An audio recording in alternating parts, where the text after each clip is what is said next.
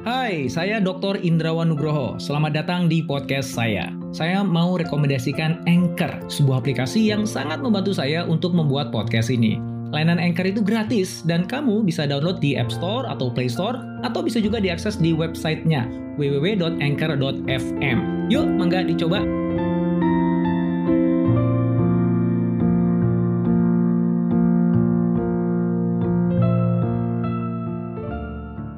Bisnis aparel anjlok semasa pandemi. Hal yang sama terjadi pada Nike. Produsen dan retailer sepatu itu sempat jatuh tapi kemudian yang tak terduga terjadi.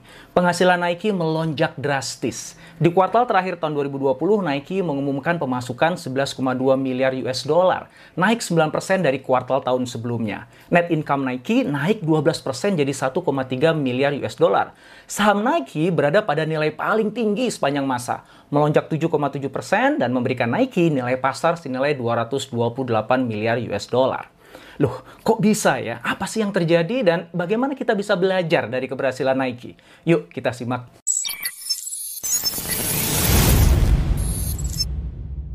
Kesuksesan Nike di masa pandemi sebenarnya tidak datang tiba-tiba, melainkan karena keputusan akan strategi bisnis Nike yang dimulai sejak tiga tahun sebelumnya.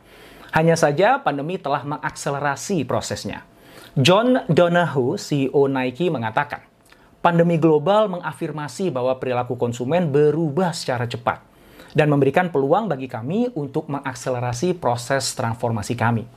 Jadi, apa sih sebenarnya strategi Nike? Kami telah berpindah dari legacy, yaitu model wholesale distribution, ke model yang dapat memberikan pelanggan kita pengalaman belanja yang lebih premium. Nah, itu kata John Donahoe. Kata kuncinya ada pada pengalaman belanja premium. Nike mewujudkan itu dengan tiga cara. Pertama, going direct to consumers. Kedua, double down on digital. Dan ketiga, build experiential store. Kita bahas satu persatu ya. Baik, kita mulai dari cara yang pertama yaitu going direct to consumers. Sadar bahwa jika bergantung pada wholesaler, Nike tidak bisa mengendalikan sepenuhnya pengalaman pelanggan. Dan itu bisa merusak brand Nike.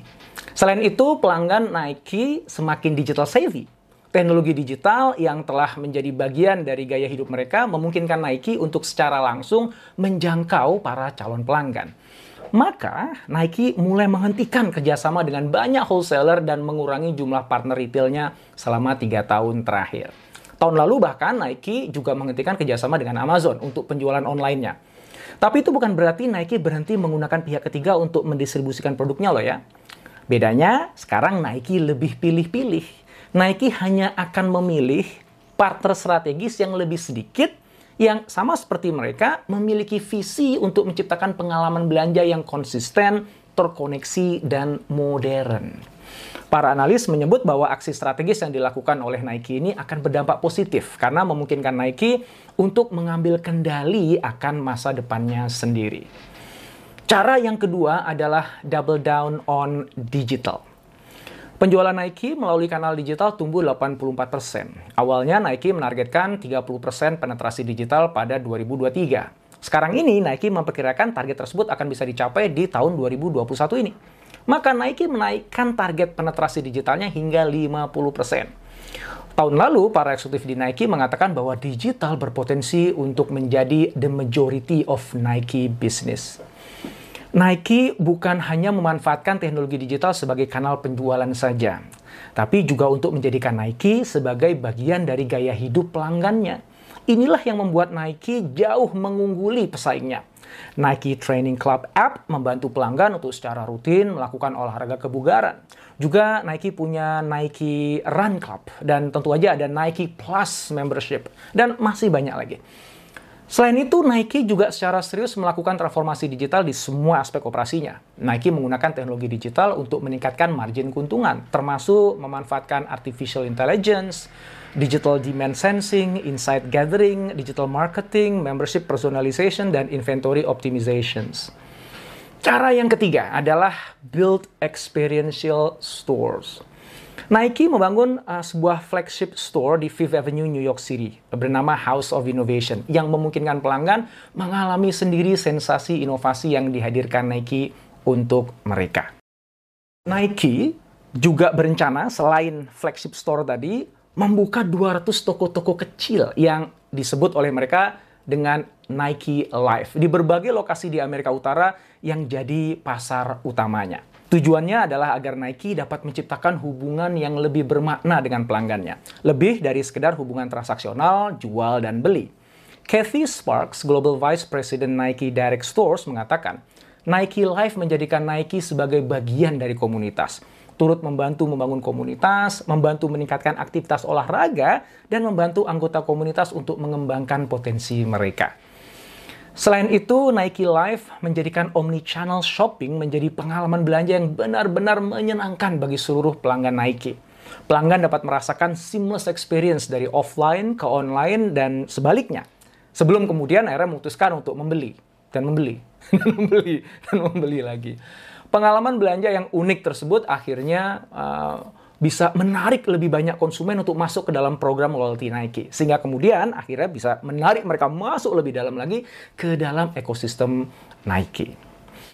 Hai, sebelum kita lanjut podcastnya, kamu sudah pernah dengar Anchor kan? Anchor adalah all-in-one podcast editing platform yang saya gunakan untuk rekaman, edit suara, tambah lagu, dan semua hal dalam pembuatan podcast yang sedang kamu dengerin ini. Anchor bisa membantu kamu bikin podcast kamu sendiri loh. Caranya gampang, tinggal download dari App Store atau Play Store, atau bisa juga diakses di www.anchor.fm. Download Anchor sekarang ya.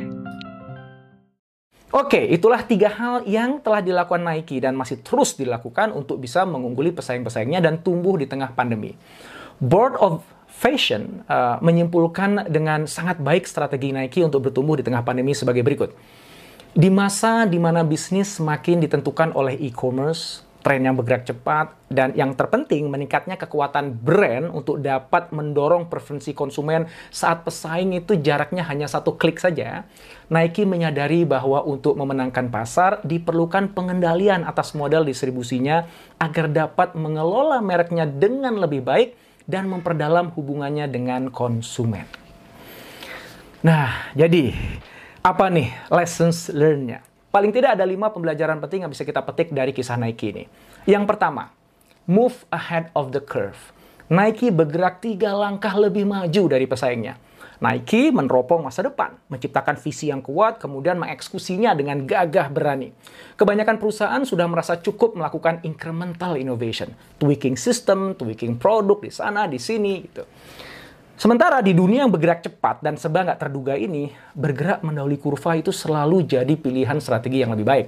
Karena terlepas dari tepat atau tidaknya tebakan Anda, Anda tetap akan berakhir jauh lebih siap atas apa pun perubahan yang terjadi dibandingkan dengan mereka yang geraknya cuma gitu-gitu aja. Lesson learned yang kedua, offense is the best defense. Hasil positif yang kuat yang didapatkan Nike selama masa yang dinamis ini menunjukkan kekuatan yang diperoleh dengan tetap mengambil posisi menyerang. Begitu kata John Donahoe. Pada saat krisis, respon kebanyakan orang adalah cari selamat kan, atau paling nggak cari aman lah ya. Atau fokus pada bertahan. Nah, Nike beda. Walaupun di awal pandemi sempat mengalami penurunan penjualan, Nike melihat pandemi telah mengubah preferensi pelanggan dan mengakselerasi adopsi teknologi digital sehingga kemudian akhirnya Nike malah justru memutuskan untuk tancap gas. Dia ikut mengakselerasi strategi yang telah mereka mulai tiga tahun sebelumnya, going offense. Lesson learned yang ketiga adalah put customer at the center. Nike menghabiskan banyak waktu, tenaga, dan dana untuk memahami pelanggannya. Semua teknologi digital yang tersedia dikerahkan untuk mengetahui apa sih pain dan gain dari pelanggannya, apa hope and fear mereka. Kemudian Nike mendesain semua aktivitas bisnisnya untuk dapat memberikan nilai yang paling tinggi untuk pelanggan tersebut.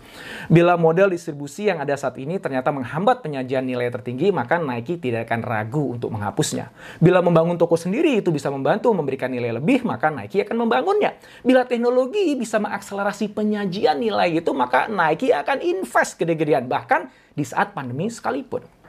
Lesson learned yang keempat, strategically pick your partners. Strategi yang terbaik sekalipun tidak akan berarti apa-apa tanpa eksekusi yang tepat kan. Nah, Nike menyadari bahwa tidak semua rekanan memiliki visi dan komitmen yang sama untuk menyajikan level pengalaman premium pada pelanggan seperti yang diinginkan oleh Nike. Maka Nike menggunakan kata-kata John Donahoe memilih bekerja dengan lebih sedikit mitra strategis yang melihat dunia dengan cara yang sama seperti kami memandang dunia dan ingin memberikan pengalaman yang konsisten kepada konsumen kami, ingin memberikan pengetahuan dan pemahaman yang sama sehingga konsumen tahu siapa mereka. Lessons learned yang kelima. Digital transformation is not optional. Mereka yang telah berinvestasi melakukan transformasi digital jauh hari sebelum pandemi datang tahu betul betapa beruntungnya mereka. Mereka bisa bergerak 2-3 langkah lebih cepat dibandingkan pesaingnya yang saat ini bahkan masih tertatih-tatih. Mereka terus masih mencoba menyesuaikan diri dengan model dunia yang baru. Nah, tentu saja lebih baik terlambat daripada tidak sama sekali kan. Karena waktu nggak akan bisa berjalan mundur. Suka nggak suka, kita sudah memasuki dunia baru yang di dalamnya digital memegang peranan sentral atas hidup para pelanggan dan bagaimana sebuah perusahaan seharusnya dijalankan. Baik, demikianlah 5 lessons learned dari Nike yang kita bisa mulai implementasikan di dalam bisnis atau perusahaan yang sedang kita bangun dan kita jalankan. Semoga manfaat.